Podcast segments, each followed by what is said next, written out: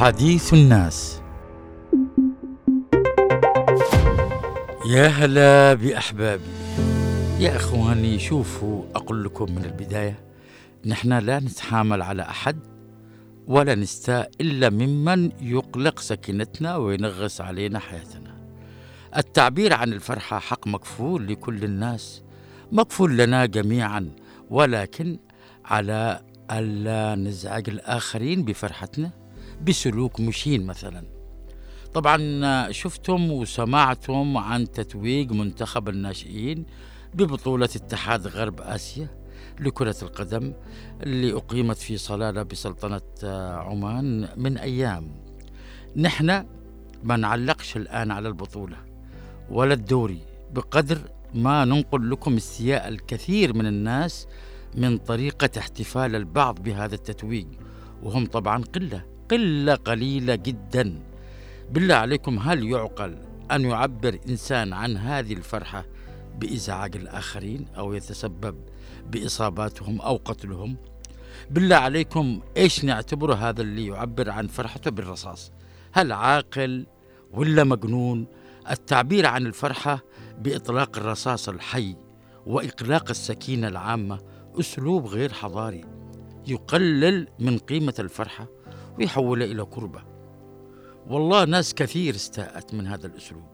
أنتم تذكرون أننا كم مرة قد تكلمنا عن ظاهرة إطلاق النار ومخاطره على الآخرين على الناس جميعا على الحيوانات وما إلى ذلك. هذه الظاهرة قلنا ألف مرة ومرة يا أخواني بأن دخيلة على مجتمعنا هنا في الجنوب. شعب الجنوب شعب حضاري شعب حي. المهم هذه الظاهرة دخيلة علينا. لما تسببه من عواقب وخيمة ومن أضرار نفسية ومعنوية أيضا. طبعا الخروج للشوارع مشيا أو بالسيارات وسماع هتافات حماسية جماعية من الأساليب الحضارية. لكن لا تستفز الآخرين. اللي تعطي طابع سلمي في الاحتفال أيا كان هذا الاحتفال بفوز فريق أو فرح بإعلان عن نتائج امتحان الثانوية عامة وإلى آخره وإلى آخره احتفال يكون بعيد عن السلوكيات المشينة والمزعجة مثل إطلاق النار كما قلنا. رائحة البارود مش اللي نشمها في الشوارع وصلت إلى داخل البيوت خاصة المنازل المفتوحة نوافذ أو عبر البلكونات. رائحة البارود يا إخواني دي في جبهات القتال مش بين أوساط الناس الآمنين أو رفع العلم. عيب. هذا والله عيب يا إخواني. طبعا الكلام هذا موجه للناس اللي يعكروا صفو حياة الآخرين أو استفزاز مشاعرهم. طبعا اللي لا يقدر سكينة الناس وأمنهم يعمل ما يشتهيه دون حياء من الله ومن الناس.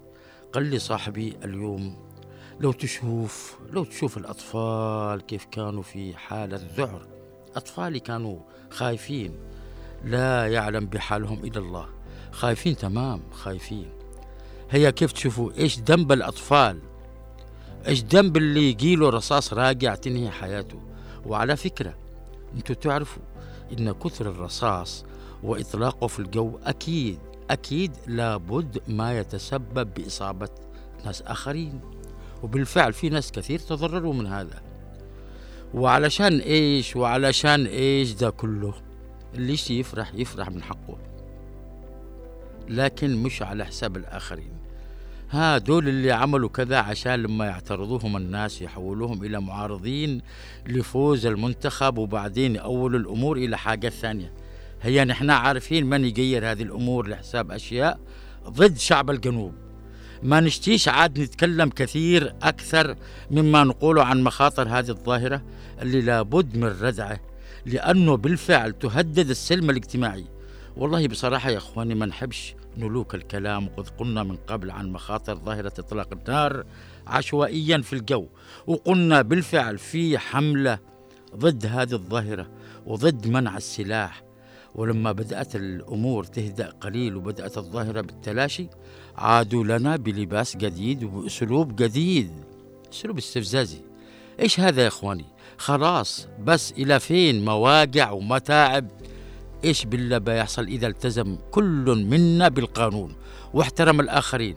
مش كفاية الجماعة باسم الشرعية مكبسين على هذا الشعب ويا فساد حني. وعينهم على اللحمة يعني عينهم على ثروة الجنوب. على كل ما نشتيش نخرج عن موضوعنا. نتمنى نتمنى يا إخواني من الجميع احترام القانون احترام تعاليم الدين الإسلامي الحنيف. احترام إنسانية الإنسان احترام الناس أينما كانوا وعلى كل لابد من وضع مجموعة من التشريعات والقوانين الصارمة اللي ممكن تحد من هذه الظاهرة.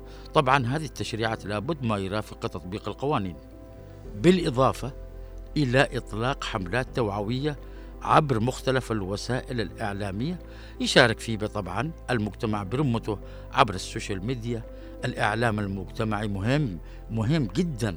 طبعا هذه الحملات التوعوية لازم تتضمن القيام بوضع إرشادات واضحة في شوارع المدن عبر مختلف الأساليب ومنها طبعا اللافتات بمختلف أنواعه. نشر رجال الأمن لمحاسبة الأشخاص اللي يقوموا بهذه الأفعال الخارجة عن القانون. والقوانين الأخرى السارية ومطلوب من الجهات المختصة تطبيق القانون بحق المخالف وتجريمه وردعه مش كذا ولا لا؟